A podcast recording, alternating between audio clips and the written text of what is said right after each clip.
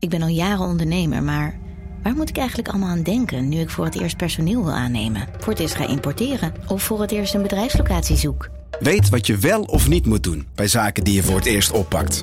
Check kvk.nl voor praktische stappenplannen. KVK, hou vast voor ondernemers. Al 125 jaar kwaliteit voor jou thuis met Miele. Dat vieren we met jou.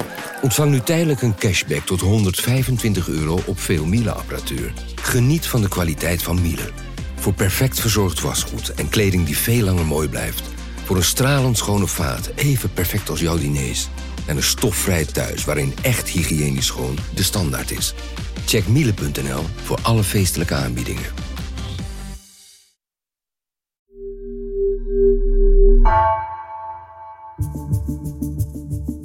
Vanaf de redactie van NRC het verhaal van vandaag. Mijn naam is Floor Boon.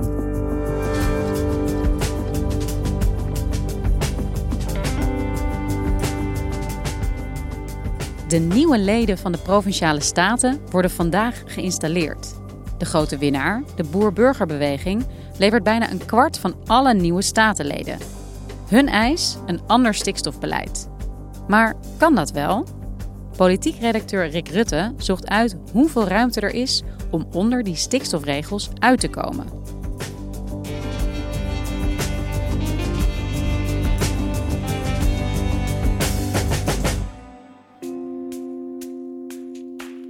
Het is vandaag woensdag en vandaag worden in de twaalf provincies de nieuwe leden van de Provinciale Staten geïnstalleerd. In alle provinciehuizen komen die leden dan naar voren, leggen ze de eet of de belofte af en dan zijn ze officieel staatslid. En zoals iedereen inmiddels wel weet, heeft er deze verkiezingen een aardverschuiving plaatsgevonden.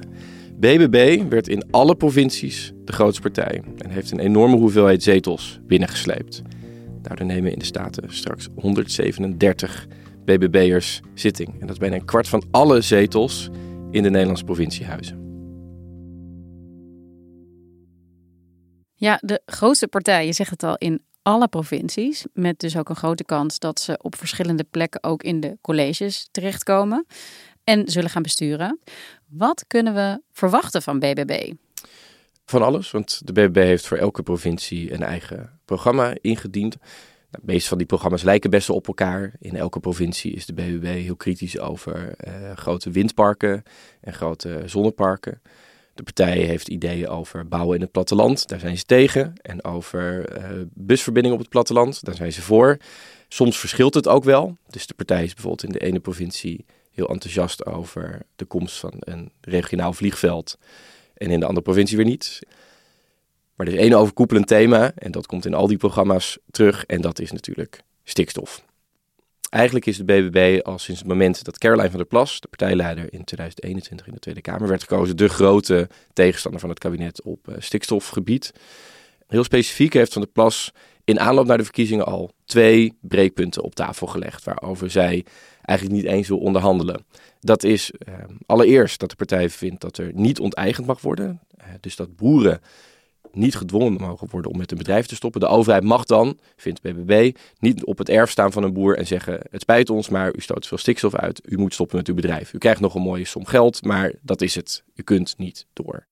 En het andere is dat de partij wil dat de deadline, waar we nu op afstevenen voor het stikstofbeleid, 2030, dat die van tafel gaat. Wij blijven tegen 2030, zijn we altijd tegen geweest, zullen we altijd blijven. Dat moet gewoon van tafel. Nou volg ik die stikstofcrisis eigenlijk al vanaf het begin, al een paar jaar. En steeds hoor ik dit. Uh, dat er gezocht moet worden naar andere manieren om naar de regels te kijken. Dat er misschien wel een aanpassing mogelijk is. Nu klinkt dat nog luider. En straks gaat dat heel luid klinken in al die provinciehuizen. En ik vroeg me eigenlijk af, hoe zit dat nou? Hoeveel ruimte is er nou eigenlijk om dat kabinetsbeleid aan te passen? En om die stikstofregels nog eens tegen het licht te houden?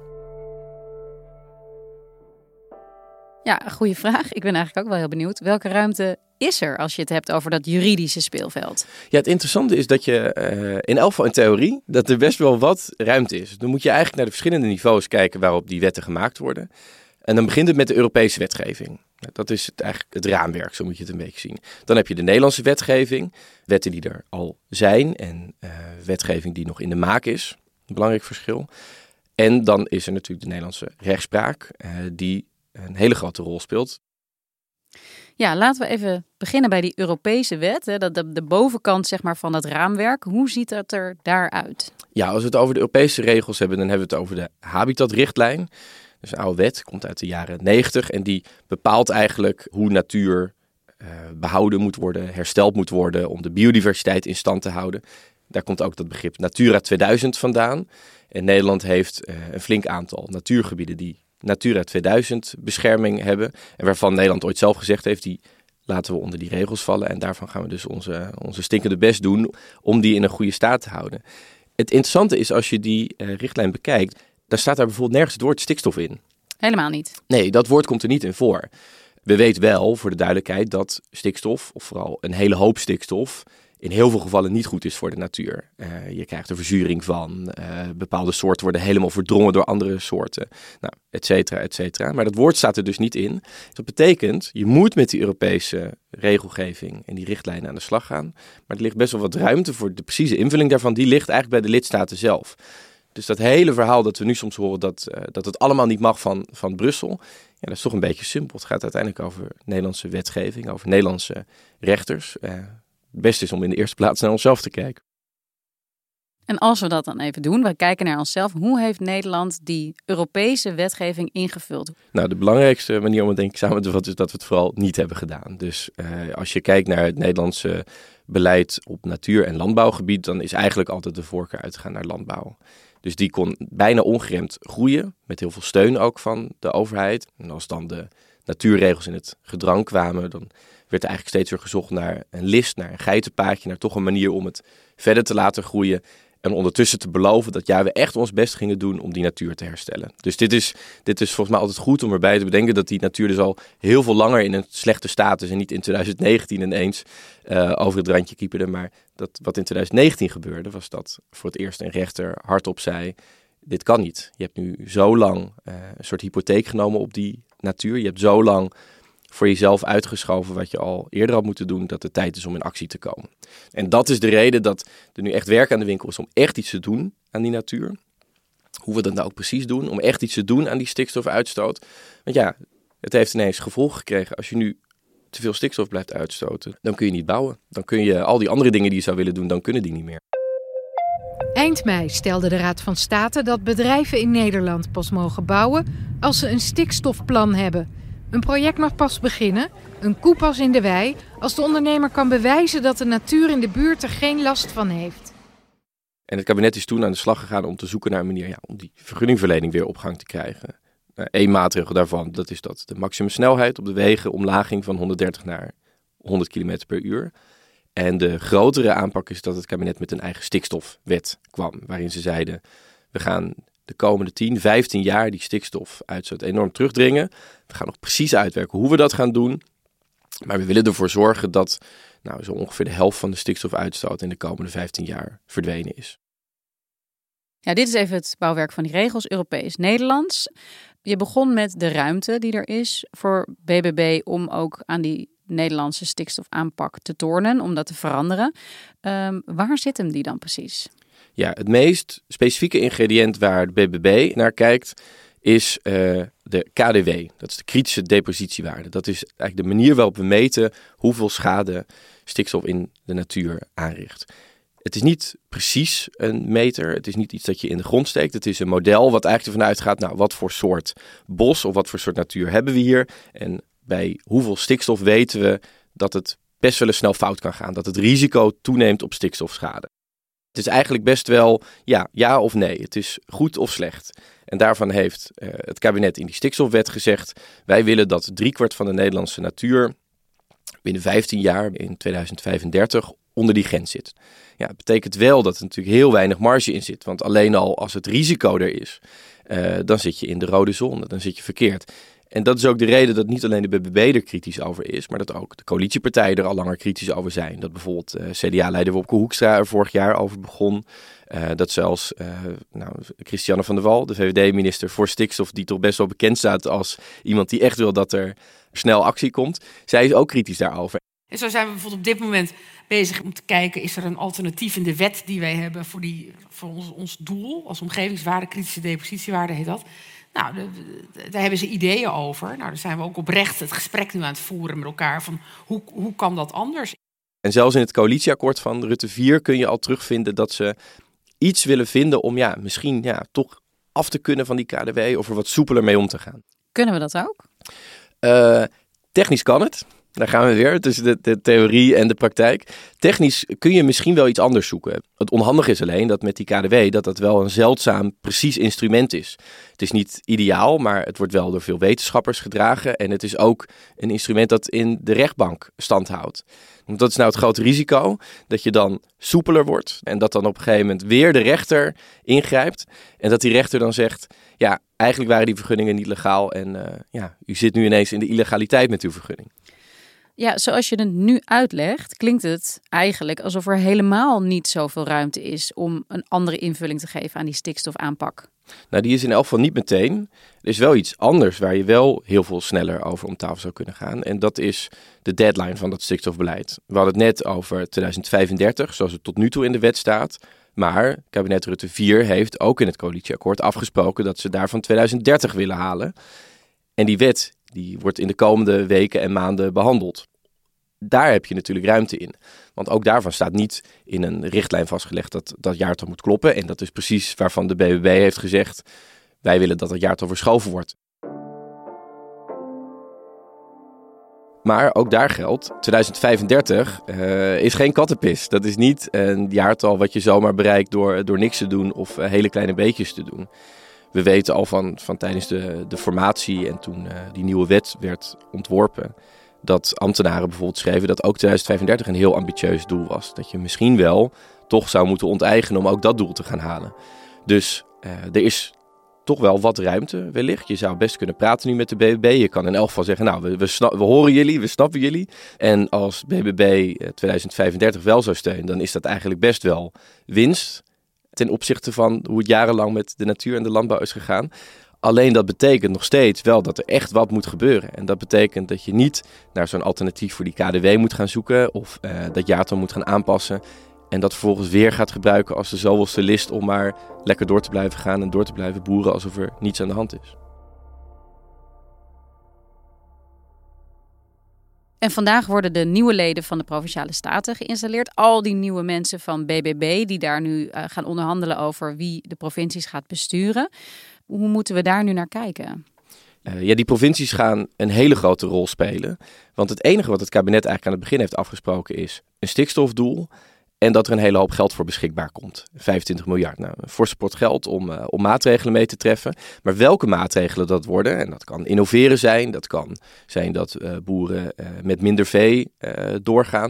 Het zal ook vaak betekenen dat boeren zullen moeten stoppen, vrijwillig of misschien wel gedwongen. Dat ligt allemaal bij de provincie. Zij moeten zelf plannen indienen bij het kabinet voor 1 juli dit jaar.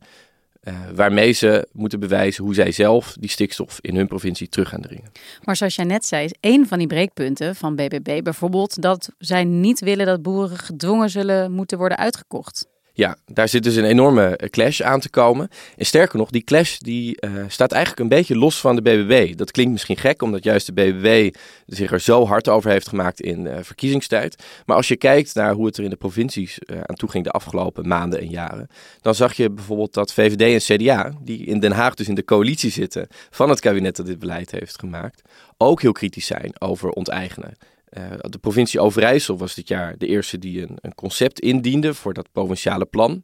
De opdracht was: kom voor 1 juli 2023 als provincie met rigoureuze nieuwe plannen in het stikstofdossier. Nou, Overijssel heeft dus die primeur, maar of het kabinet er blij mee zal zijn? De provincie vraagt dus 5 miljard en ze willen vijf jaar langer de tijd.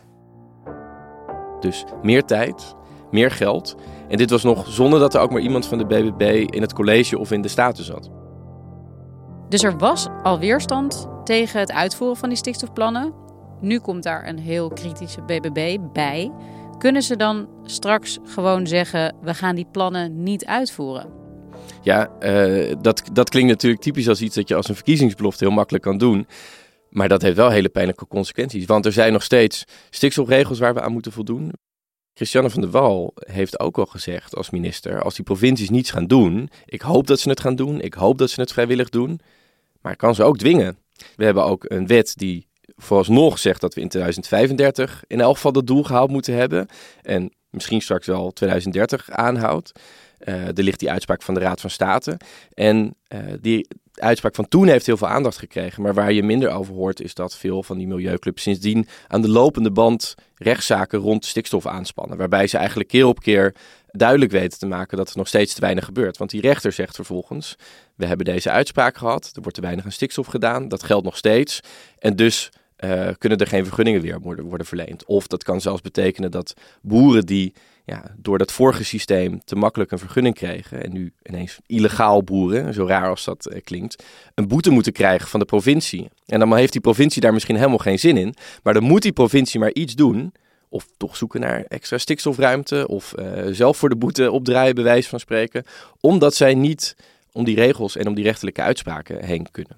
Maar dit lijkt mij ook voor BBB en voor Caroline van der Plas best wel een moeilijk dilemma. Want je kunt dus zeggen, misschien ik ga het niet doen.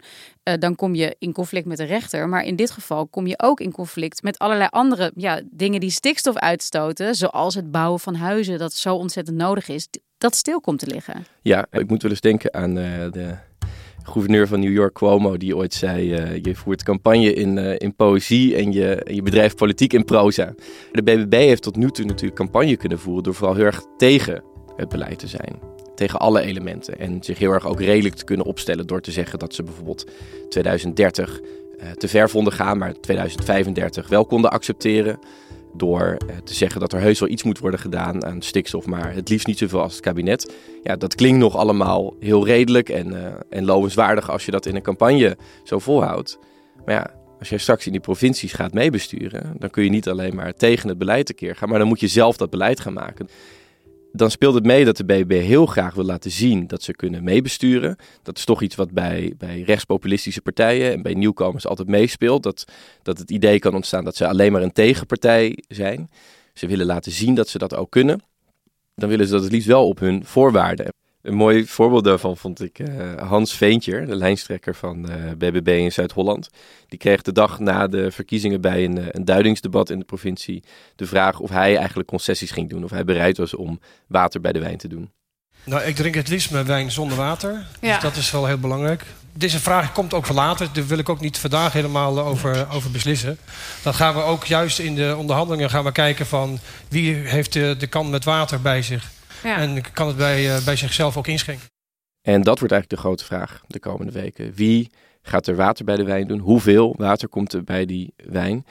Iedereen kijkt naar de BBB en wil weten of het kan om zo'n partij, die zoveel campagne heeft gevoerd, of dat ingebed kan worden in het beleid en in de, in de politiek. En dat zijn niet alleen jij en ik die meekijken, dat zijn niet alleen de coalitiepartijen, dat zijn ook Europese leiders bijvoorbeeld, uh, die toch voelen dat dit een voorbode kan zijn voor hoe er uh, moet worden omgegaan met uh, verzet tegen het klimaatbeleid dat op ons afkomt. Wat ook gaat vragen om pijnlijke offers te maken. Je merkte dat misschien wel het beste aan Frans Timmermans, de eurocommissaris. Die kreeg meteen een oproepje van Caroline van der Plas. Mijn volgende stap is overigens dat we nu een afspraak gaan maken met Timmermans. Om, ik wil gewoon zelf uh, praten. Wij horen hier gewoon echt elke dag dat niks kan. En dat Brussel boos is op ons. En ik wil gewoon één op één met hem uh, praten van wat er wel mogelijk is. Hij wilde eerst nog in Brussel afspreken, uh, maar dat kon niet, zei Van der Plas. En daar schikte Timmermans zich in. Hij komt nu naar Den Haag om met haar te spreken. Dus dat feit dat iemand als uh, de eurocommissaris, die gewoon in Brussel zit en die speciaal voor mevrouw van der Plas naar Den Haag komt, uh, dat hij die, die knieval maakt, ja, dat doet hij omdat ze daar het, uh, het heel serieus nemen. Dankjewel, Rick. Jij bedankt voor.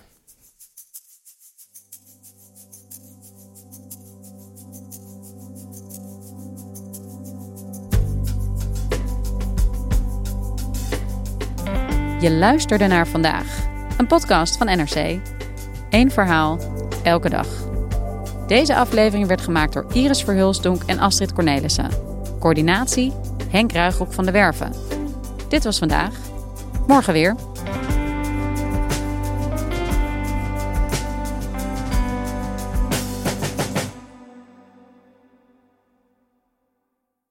Technologie lijkt tegenwoordig het antwoord op iedere uitdaging. Bij PwC zien we dit anders. Als we de potentie van technologie willen benutten, kunnen we niet zonder een menselijk perspectief. Human-led, tech-powered noemen we dat. Ga naar pwc.nl.